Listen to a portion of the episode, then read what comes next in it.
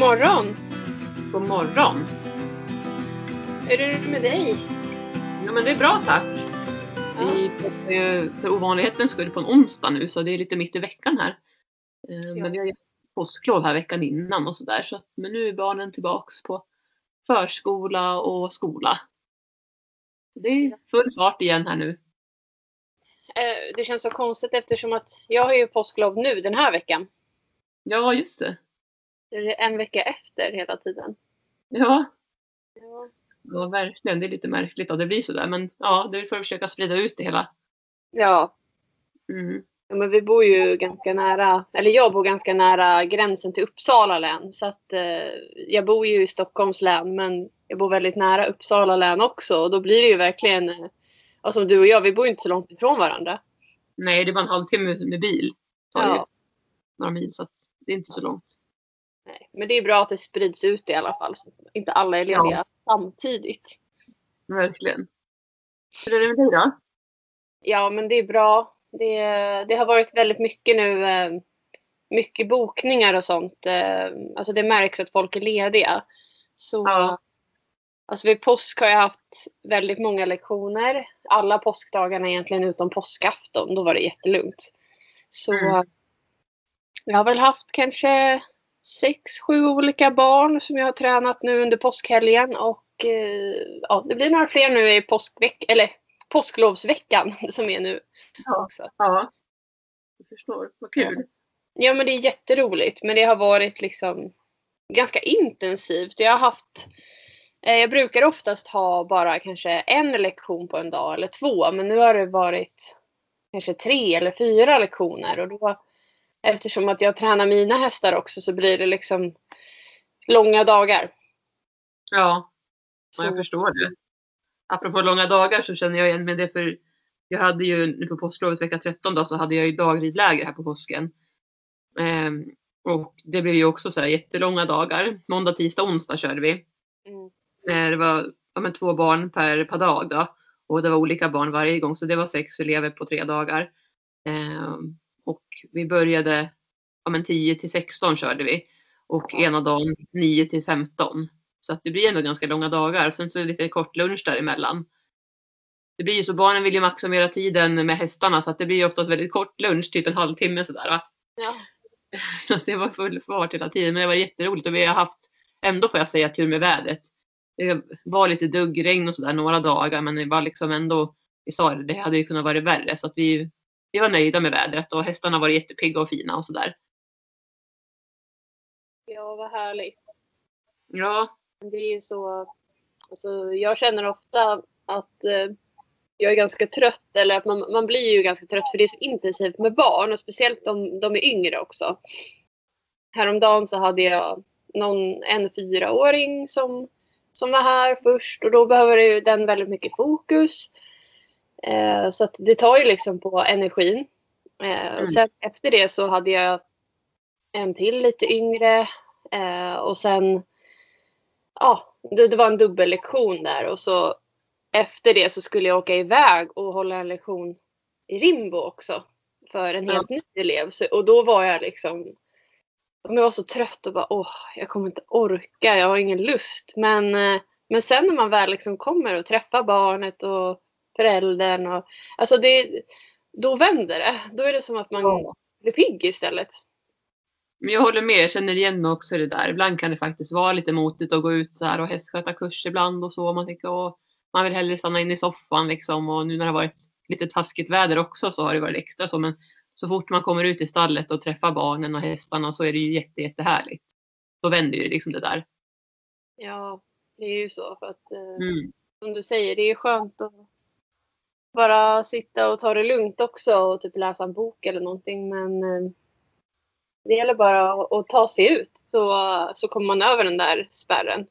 Ja, så är det ju verkligen. Så är det ju med träning också till exempel om man ska jämföra med någonting. Att det Mm. gäller ju bara att inte känna efter så mycket utan så här, gå ut bara och när man väl är ute så är det jättehärligt. Och efter de här dagliglägren så kände jag mig verkligen ganska mör i kroppen och liksom hade till och med fått träningsvärk för jag hade ju rört mig mer än vanligt eftersom att det blir så många timmar sådär också med hästarna och jag menar, vi, vi både red och vi red på ridbanan, vi red i skogen, vi, red, vi körde med jingis och vi löshoppade. Och liksom, man rör ju på sig väldigt mycket själv också. Framförallt som du säger, när det är yngre barn så måste man ju vara med och leda och, och liksom så. så att jag säga att jag verkligen fått motion. Ja. ja det, är ju, det blir många steg.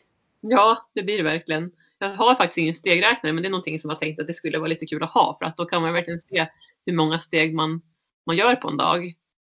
Ja, jag, jag har ju en stegräknare. Jag brukar oftast komma upp i åtminstone 20 000 steg per dag. Jag kan tänka mig det. Eh, och det är ju... Jag tror att det brukar vara rekommenderat 10 000 steg per dag va? Om man inte... Ja.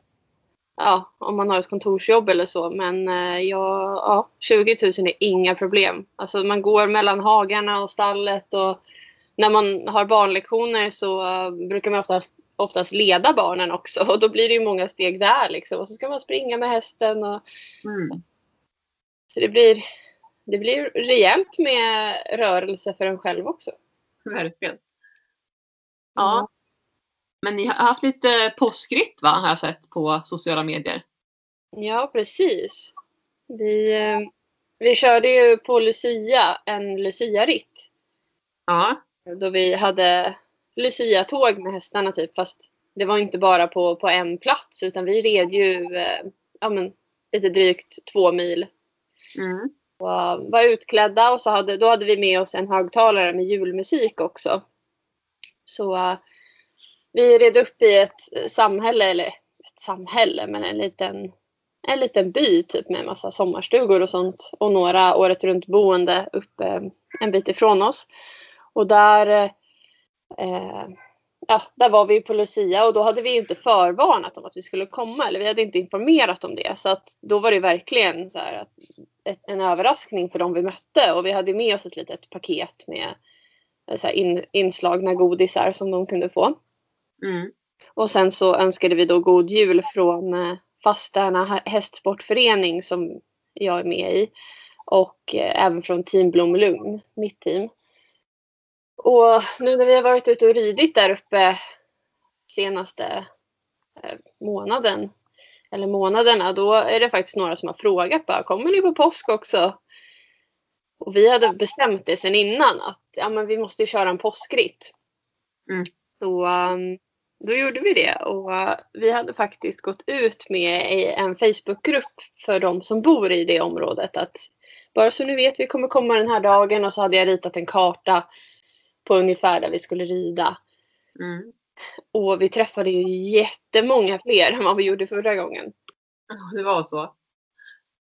Ja, det var jätteroligt och ehm, ja, vi hade ju slagit in 60 stycken små eh, godispåsar. Vi hade tagit så här cellofanpapper och så hade vi lagt i typ fem små godisar som var i, inslagna i papper då, så att det var coronasäkert.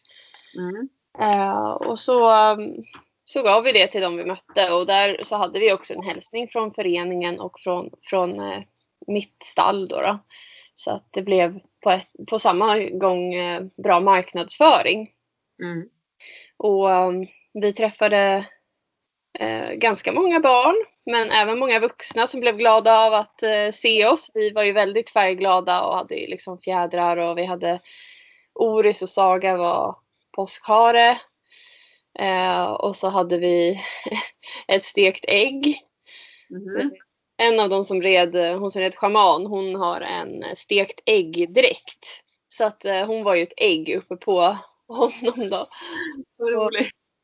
Ja, och sen var vi några som var påskkärringar också. Så ja, men vi syntes ju verkligen.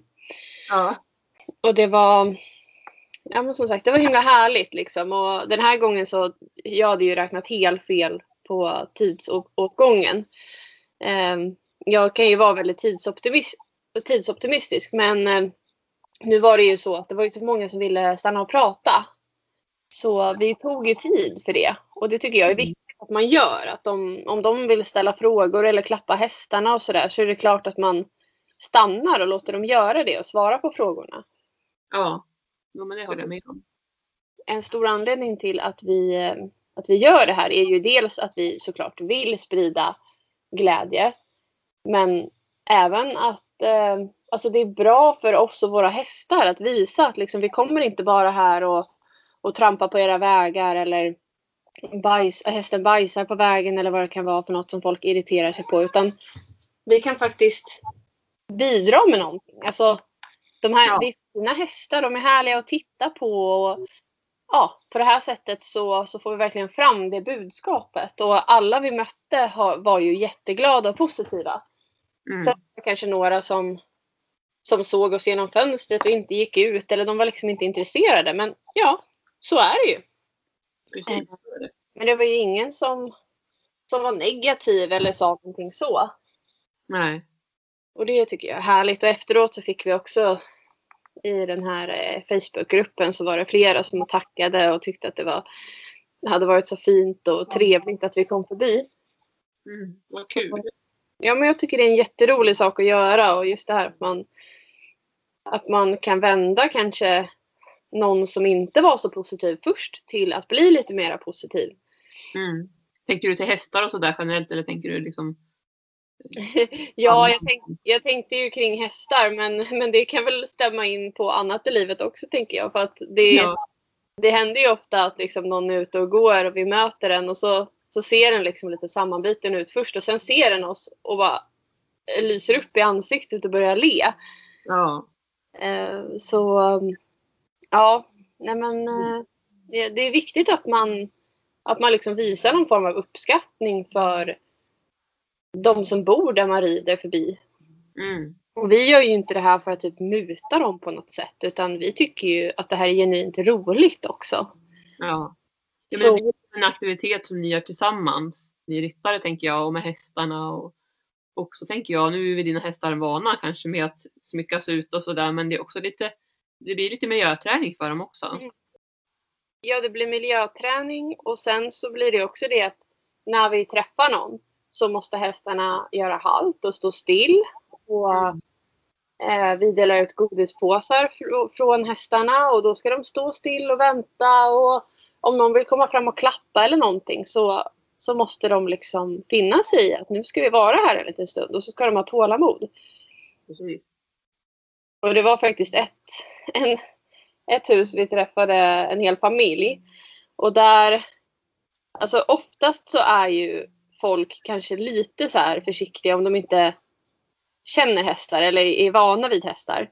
Mm. Men där var det en, en man som nog, de hade nog landställe här ute på landet. Eh, och så, så hade han sina barnbarn, skulle jag gissa på dem.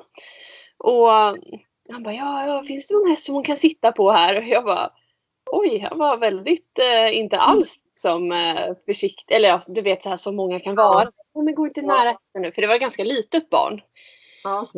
Eh, barnet, alltså hon hade inte börjat prata ännu liksom, så pass liten. Men det var inte en, en bebis, men liten. Mm.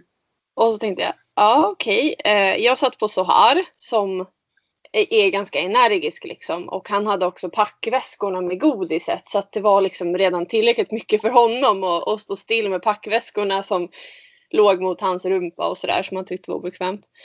Mm. Eh, och då så var det ju schaman som jag bara, ja men okej, ja, hon kan sitta framför Maxim på schaman då. Mm. Ja, då lyfte den här mannen upp barnet framför Maxim som red på schaman. Och så fick barnet sitta där och fick ta lite bilder och så. Schaman, han har ju gjort sånt där förut så han stod ju bara helt still. Och Mm. då blev det ytterligare ett, eh, ett moment liksom. Att kunna stå still med ett litet barn på sig. Ja. Så ja men alltså, alltså sånt där är jätteviktigt liksom. Att man bjuder. Ja. Ja, Se- verkligen. Ja.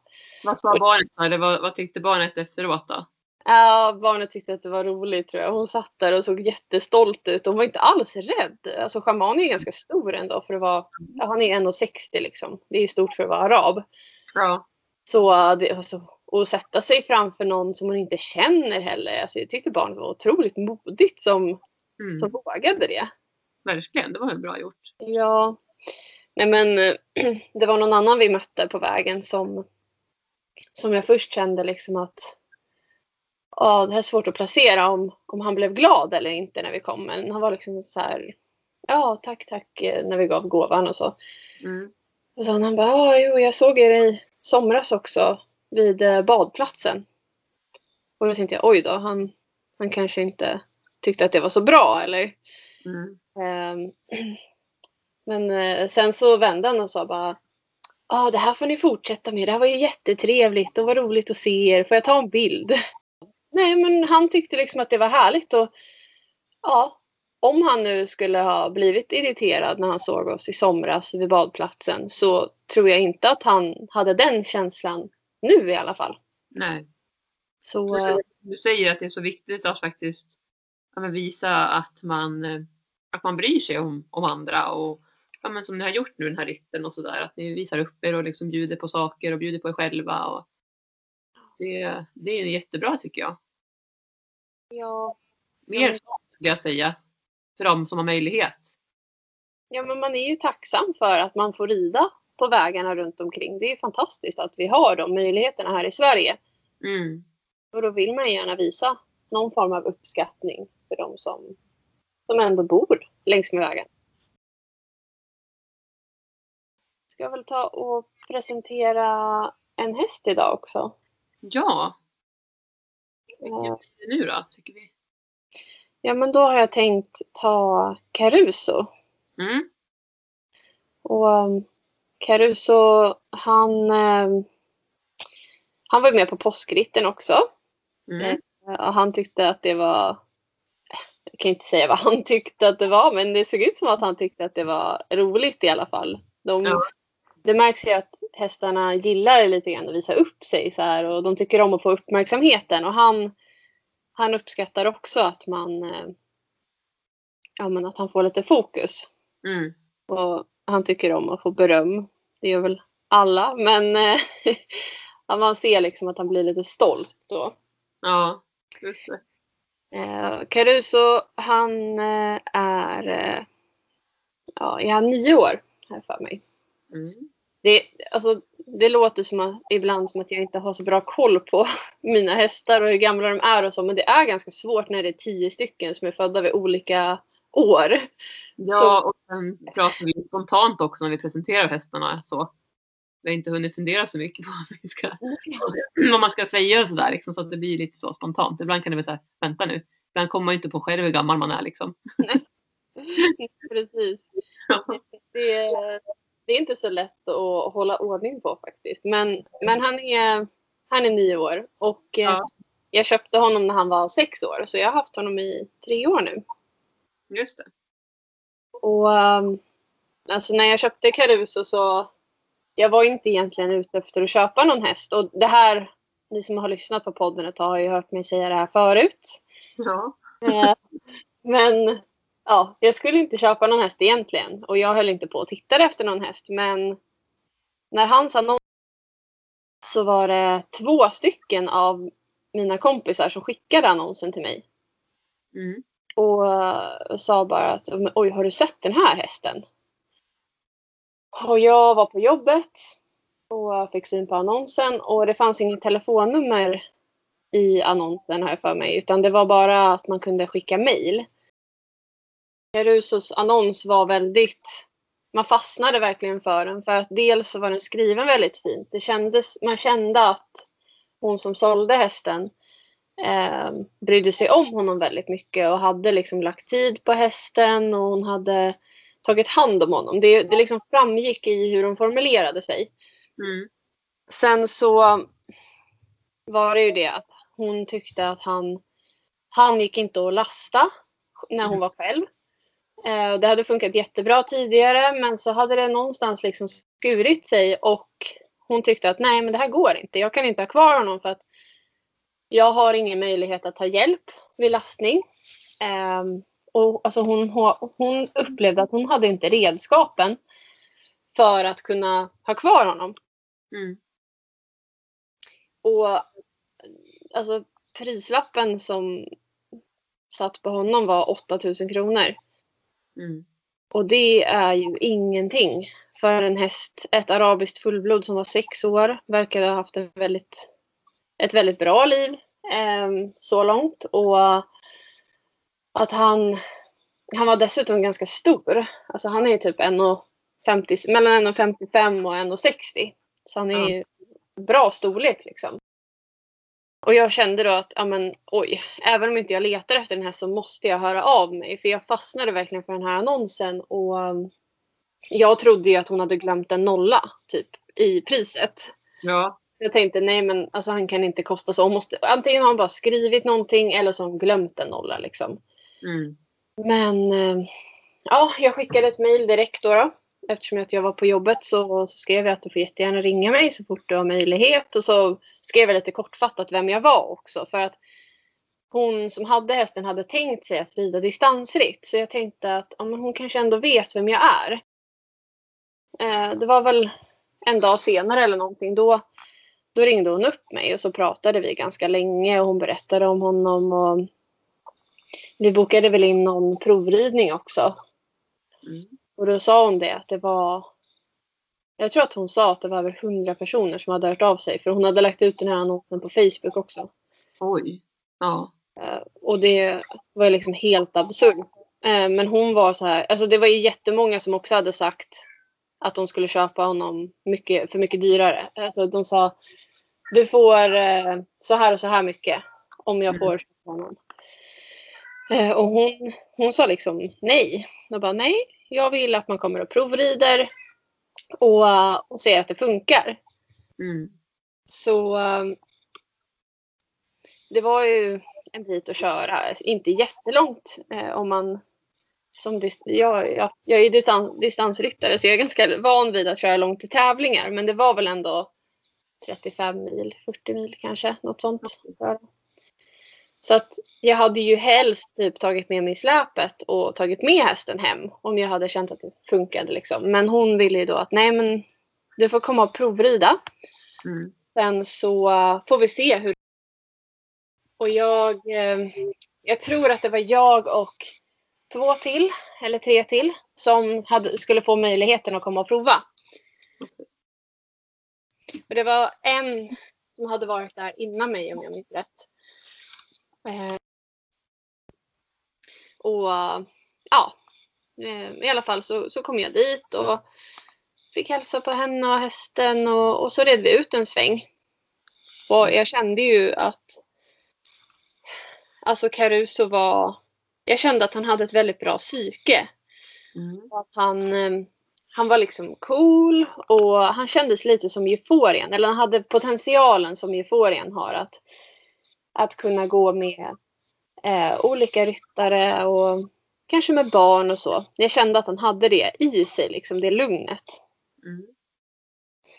Så eh, ja, det gick väl överlag bra på den där uh, uteritten. Och um, vi kom tillbaka och så pratade vi lite till och sen så, så sa hon att eh, hon skulle höra av sig när hon hade funderat. Mm. Eh, så, ja, jag och eh, Otto som hade följt med mig, vi, vi åkte hem. Och ungefär en halvtimme innan vi hade hunnit komma fram till, eh, till gården igen hemma så, så ringde hon och sa att hon hade funderat och att jag fick köpa honom om jag ville. Och jag bara ja, jättegärna. Så då uh, swishade jag faktiskt över handpenning på en gång. Mm.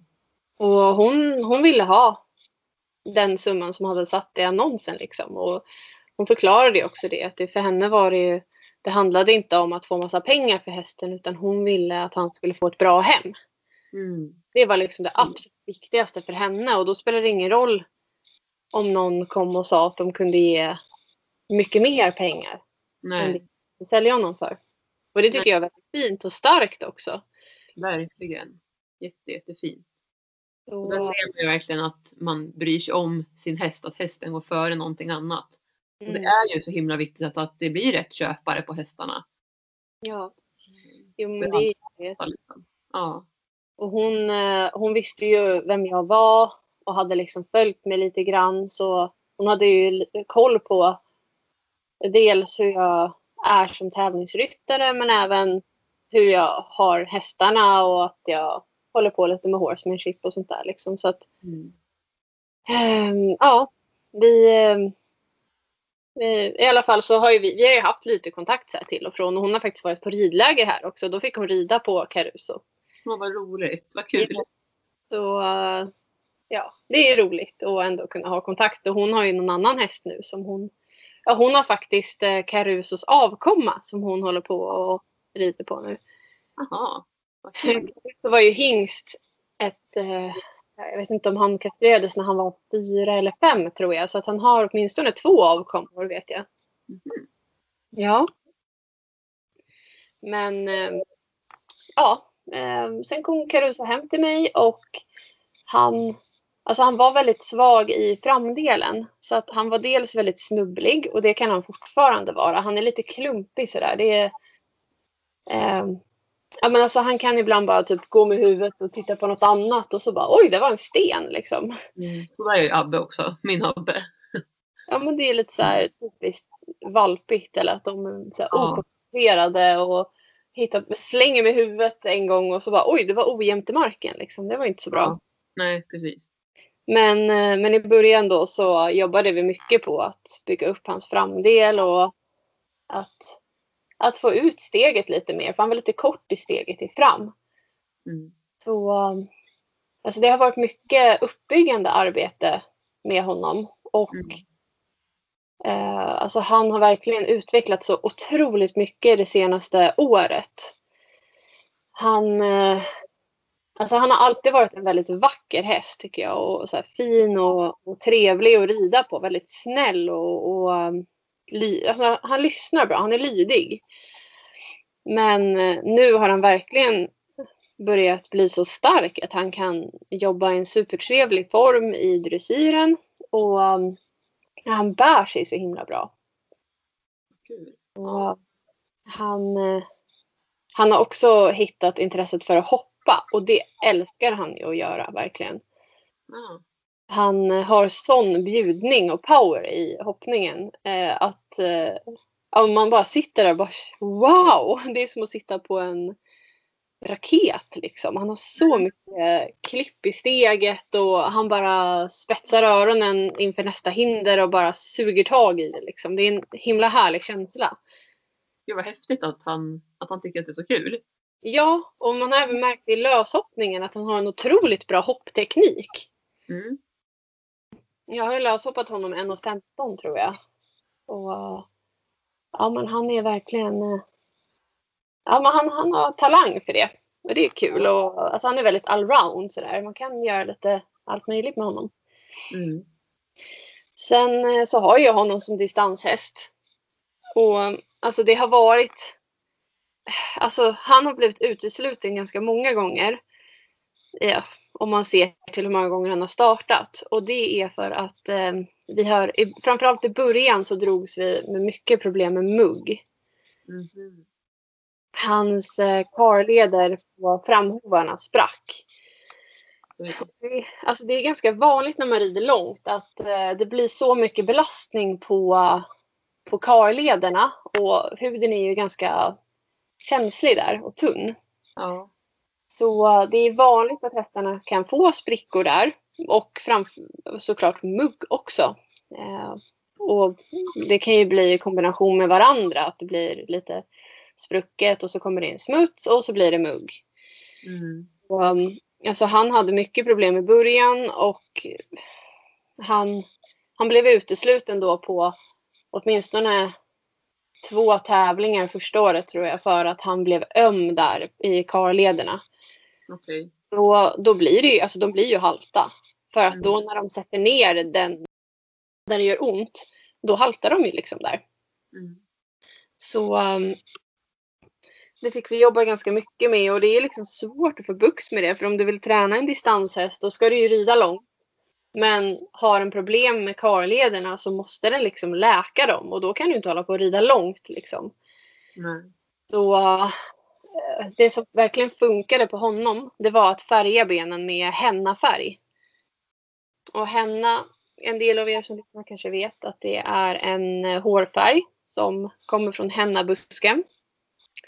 Så den är växtbaserad. Och alltså den är väldigt vanlig eh, att använda på, på de arabiska fullbloden i öknen till exempel. För att hennan ger en, ett skydd, alltså typ som solskyddsfaktor kan man säga. Mhm. Och mugg och sånt blir ofta värre på sommaren när solens, alltså UV-strålningen kommer på karlederna där då skimlarna framförallt är ju väldigt känsliga i huden många gånger för att de är ju ljusa i pigmentet. Mm. Så att färga benen med henna, det var verkligen, det blev jätteskillnad på honom. Och um, det gjorde jag regelbundet en period, men nu är inte det tillåtet längre i distansritt. Och det är ju säkert för att man kan dölja sårskador eller sånt om man färgar benen, för benen blir ju helt orangea. Så ja, det var, det var lite synd att man inte fick göra det längre. Men peppar peppar så um, än så länge har det, han hållit sig i äh, bra skick i karlederna. Äh, även fast vi inte har färgat dem. Men jag, ja, jag behöver ju underhålla det där. Så att jag använder mycket babypuder på mina hästar och det gör jag, alltså det kan jag använda till allt egentligen. Mm. Men babypuder är sånt som man köper typ på ja, babyavdelningen liksom. Det är eh, det innehåller ju cheasmör som är lite mjukgörande. Och det är jättebra att ha på till exempel skav. Eh, men även i karlederna. Så jag brukar pudra karlederna inför ett träningspass eller efter ett träningspass. För att liksom mjukgöra. Och Mm. också skydda huden där. Just. Så eh, det tycker jag har funkat bra. Mm. Ja, men det var ju så förra året så startade ju han lag-SM. Och där så gick han åtta mil. Och han var så himla fin. Alltså det var typ hans bästa tävling han har gjort. Och han bara alltså sprang med öronen liksom klippte fram och tillbaka fortfarande efter, efter sju mil liksom. Och, och han hade power kvar. Mm. Och sen så efter man har genomfört distansen så ska man ju springa upp för veterinären. Och det här, på den här tävlingen så var upptravet på asfalt. Och det, det var första gången jag travade upp på asfalt och jag tycker inte om det. För att det blir, alltså det är så hårt. Eh, och det blir ju, har de problem i nedre delen av, alltså vid hoven eller så, då blir det mycket värre oftast när det är hårt. För att då blir ju, alltså trycket ner i marken blir ju högre. Och vi, han hade ju sett superfin ut ute på banan. Men så när han travade upp så var han halt. Ja. Och, och det var så surt för att vi, eh, laget hade fått en medalj om han hade blivit godkänd. Ja. Men så blev han utesluten. Och alltså man blev ju helt mållös och bara nej. Mm. Är det ett skämt tänkte jag liksom. Men nej det var det inte. Nej. Och då efteråt så, så kollade jag på hans karleder och då hade det ju spruckit på den ena. Och då när han sprang på asfalten så tyckte ju han att det gjorde ont såklart. Ja. Så um, han var jätteöm där. Och, men det var också skönt att så här, konkret veta att ja, han har ont här i karleden. Det var därför han blev utesluten. Mm. Så um, ja, det var, det var ju bättre än att han hade något problem i något, någon annanstans i benet liksom. Ja, det är klart. Men ändå surt liksom, när, när det var nära medalj. Och, Ja, men det är jättesurt. Alltså det är det jag får jobba på mest med den här hästen. För att han är nästan helt kritvit. Och alltså skimlarna är som sagt känsligare. Och han har väldigt känslig hud. Han, är, han har ljust pigment som sagt. Och Ja. det har ju jag också. Så jag vet ju hur det är. Jag blir jättelätt bränd i solen och sådär. Så man får hela tiden försöka att skydda huden. Eh, min förhoppning är ju att han kommer att kunna, eller att vi kommer kunna få något bra knep på det här som vi kan jobba med och liksom förebygga hela tiden. För att han är en otroligt fin eh, tävlingshäst och han har verkligen potential. Så han eh, är ju en av två av mina hästar som pulsar ner otroligt snabbt. Mhm. Han är en sån som liksom, när man sitter av så har han ja, lägre, mycket lägre puls än vad gränsen är när man tävlar. Kan det ha att göra med då att han är liksom lugn som du säger i sig själv? bland Jag annat. tror, ja, jag, tror att, Saker. jag tror att det delvis har med lugnet att göra men även att han genetiskt sett har, han har bra gener. Ja, För pulsen är väldigt ärftlig. okej.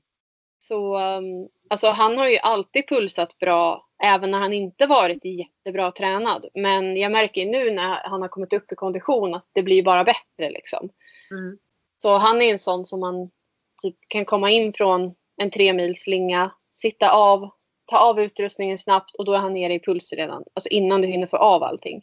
Mm. Så uh, han har verkligen potential för att kunna gå långt. Och jag hoppas att han, att han kommer kunna göra det. Ja. Eh, nu har ju vi tyvärr tappat jättemycket tid eftersom att det har varit problem med corona och sånt där. Så att vi får väl se. Alltså, mitt mål med honom först var ju liksom att han skulle gå, eller jag skulle sikta på unghäst-VM. Eh, och det var väl, det, jag tror att det är för åttaåringar nu. Eller om det är för sjuåringar, jag kommer inte ihåg nu. Men eh, det blev ju liksom, ja, det, det gick ju inte. För att Nej. tävlingar blev inställda och sådär. Och så kände jag bara att nej, men vi får se. Jag hoppas att jag kommer kunna ta upp honom på 16 mil. Men nu har kvalreglerna ändrats så det tar mycket längre tid att kvala och så. Så att han är nio nu men jag hoppas att kanske när han är 12 eller 13. Jag vet inte. Mm. Försöka vara realistisk och tänka att det kommer ta tid att kvala. När det gäller hans eh, personlighet så är han... Eh, alltså, han är... Han är speciell och det säger jag väl också om alla mina hästar. Men jag tycker att de, de har verkligen en, en tydlig personlighet. Mm. Och han, han är liksom snäll och lydig. Men samtidigt har han mycket integritet och vilja också. Mm. Och han visar tydligt till exempel, han tycker inte om att bli borstad med hård borste under magen. Nej, det kommer jag ihåg när jag var hos dig. Ja. Ja. Ja, men det visar han ju. Jag var då. Det var liksom, ja. Det tycker han inte om. Då blir han så här, nej. Och står och viftar med huvudet och, Ja. och piskar med svansen lite och så här, sluta. Och så tar Ja. de en mjukborste. Ja, men det går bra, det är Ja. okej. Bra. Ja. Eh, så att som sagt, han har mycket, han visar mycket vad han, han Ja. tycker och, och känner. Mm. Och det är ju bra. Alltså att de är tydliga samtidigt. Men han, men han har inte, som när jag var hos dig så har han inte gjort något dumt liksom. Nej. Han visar med kroppsspråket, viftar med svansen och man stampade med hoven tror jag kanske att han gjorde också. Eller om han bara vände sig liksom mot mig och bak öronen lite grann. Har jag för mig. Jag kommer inte ihåg exakt. Liksom. Men det är ju bra att hästarna visar, tycker jag. Ja. Så länge de inte gör någonting farligt eller någonting som kan skada oss. Nej. Nej, och det är bra att de är tydliga liksom, med vad de känner. För att det är värre om de inte, alltså, om de inte gör någonting och sen helt plötsligt så bara får de för sig att nej, nu vill jag inte längre. Precis. Eh, Men eh, han har faktiskt börjat gå mer och mera barnlektioner också. Mm. Eh, Jag hade honom på ridlägren förra sommaren och det gick jättebra att ha med honom. Och nu har jag även börjat ha honom på barnlektioner. Och det har visat sig att han är väldigt duktig med barn. Mm. Han är, han är liksom omhändertagande och, och väldigt tålig. Alltså han, han är tålmodig helt enkelt. Mm. Anpassar sig eller liksom så till den som sitter uppe eller. Ja, det gör han. Mm. Och jag kan ju, alltså, när man är ute och rider så är han också väldigt lugn. Han, alltså, han är ganska lat och bekväm av sig. Mm. Eh, hemma i träning, då, alltså, han tycker det är skönt att inte anstränga sig för mycket och sådär. Men när man tävlar, då blir han helt annorlunda. För då verkligen alltså, taggar han till och då finns det inte en tillstymmelse till att han skulle snubbla till exempel. Nej, han är fokuserad. Mm, Ja. Nej, så att han... Det är också roligt att se liksom, att hemma man kan han vara så här, ja men jag tar det lugnt och man får liksom pusha honom lite grann när det blir tungt. Ja. Men när han hoppar eller när han är iväg och tävlar och gör någonting som han verkligen så här tycker är superkul. Då, Mm. då har han power verkligen. ja.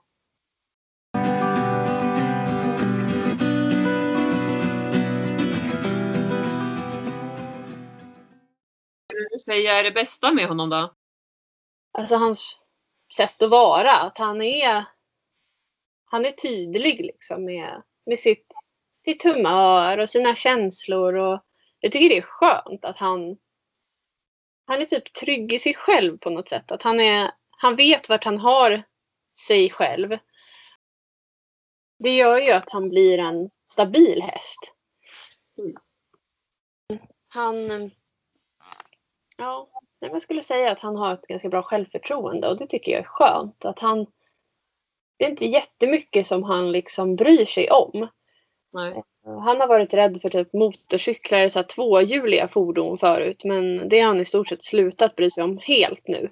Mm. Och det är väl en av få saker som han kan tycka är läskigt. Annars är det liksom inte så mycket som bekommer honom utan han är liksom i sitt eget eh, och bara gå på. Vad är det mest utmanande då? Vad skulle du Mm. säga? Alltså det är väl eh, det är väl karlederna och att han är känslig. Alltså han är väldigt skavkänslig också. Ja. Han har jättelätt för att få skav eh, typ av schabraket eller av Mm. Alltså det som sadeljorden. Och det har ju säkert som sagt att göra med att han är så pass ljus. Säkert. Mm. Och det, det blir också värre på vintern när de kanske byter päls eller sådär och då är de lite extra känsliga i pälsen. Så det är en sak som, som är utmanande. När man tränar honom på vintern och rider längre distanser så får man verkligen inte ha någon utrustning som kan skava. Utan då behöver jag ha typ renskinn eller någonting som är väldigt mjukt. Och så mycket puder. det finns saker som man kan, alltså att man kan anpassa sig efter vad hästen behöver. Jag menar, det finns ju hjälpmedel och ja, sånt som man kan använda så länge man bara är med- medveten om, om vad man behöver göra och så. Mm. Ja, men det är ju så att man får ju lära sig allt eftersom. Och visst, jag har haft honom i tre år men jag har ju fortfarande inte kommit underfund med allting. Alltså vad som är bäst för honom när det gäller till exempel skav eller vissa saker. Alltså jag provar mig fortfarande fram. Okej. Mm. Um, och nu har vi ju kommit en bra bit liksom. Men, men jag menar att det, man kan alltid lära sig nya saker och ibland dyker det upp något annat som man inte har tänkt på tidigare. Precis. Eh, och det kan bli olika belastning. Om du köper en ny sadel till exempel så kanske du behöver tänka, på, tänka annorlunda kring eh, vad du ska ha under den och så. Det som har tips som själva har skimlar hästar med väldigt ljusa och känsliga som kanske kan tipsa om det? Med skav och så som du sa. Ja, jag tycker att renskinn är jättebra att ha under sadeln. För att dels Ja. så ventilerar det ju, det ventilerar bort värme. Och eh, sen så är det ju tryckavlastande och väldigt mjukt. Det har liksom inga hårda kanter som till exempel schabrak kan ha. Mm. Ja, för det är något viktigt. Det kan ju verkligen skava de här kanterna på schabraken. Alltså det, är ju, det gäller att man inte har utrustning eller sadeln då placerad på en sån. Det kan ju jätteskav. Och det kan det ju säkert göra ändå också om de, Ja. de sitter men för nära sadelkanten att det blir tryck där. Liksom. Ja, och um, sen puder som sagt är jättebra att ha. Eh, sen har jag även eh, haft, jag fick prova en ny produkt, eller den är relativt ny i alla fall. Och det är ett, eh, som en deo ser det ut. The Skin Agent. Eh, de har tagit fram ett antiskavstick. Mhm. Det har jag nog hört om. Jag, jag fick prova det. Ja, jag har provat det i typ en månad. Och det har blivit sån skillnad på hästarna. Åh, vad häftigt. Ja, man smörjer bara på det precis som en deo. Där Ja. hästen har eh, problem med skav. Och du smörjer på det innan och efter du har ridit. För att det har även en eh, effekt på huden. Eh, alltså hårbildningen och så. Så att den, den går in i huden och eh, stimulerar huden till att börja eh, växa. Eller ja, att återhämta sig, att håret börjar växa. Mm. Eh, Så där kan jag verkligen rekommendera The Skin Agent. Och så, den heter Anti-Shave Stick. Alltså anti-skavstick. Mm. Och det är överhuvudtaget för hästar då misstänker jag. Alltså, Ja, hästar och hundar. Och sen har de även för människa också. Men jag har inte fått några skavsår ännu så jag har inte kunnat prova den. Men eh, jag ska göra det när jag, när jag väl börjar tävla och får problem. ja, Eh, Men ja, det, är- det är verkligen häftigt att se att det, att det har blivit sån skillnad. ja, Och jag har köpt, eller jag har fått det av min eh, sadelmakare på, på Norrtälje sadelmakeri. Men det går ju säkert att hitta på nätet också någonstans. mm, Så mm, ett bra tips. Och eh, jag har provat många saker. Men, men det verkligen funkar. mm. Vad kul. Mm. Ska vi säga så för den här veckan? Ja, nu får vi göra det. Mm. Så eh, får ni ha en fin påsk, påsklovsvecka nu då. Ja, så uh, njut av uh, den sol vi får här nu då. Den här veckan. Vi får se, här är lite pudersnö nu men jag hoppas att det ska smälta bort här under dagen för det ska bli lite mer sol på eftermiddagen. Mm. Så vi får hoppas att det, att det blir lite finväder snart igen. Ja, våren kommer någon gång. Ja, det gör den. Förr eller senare. Det är ändå bara Ja. början på april liksom så att det, om man brukar ju säga aprilväder så Ja, Ja. vi precis. får ha lite is i magen ett tag till. Ja, Ja. Ha det så bra allihopa. ha det så bra. Kram, kram. Kram, kram. Hej då! Hej då!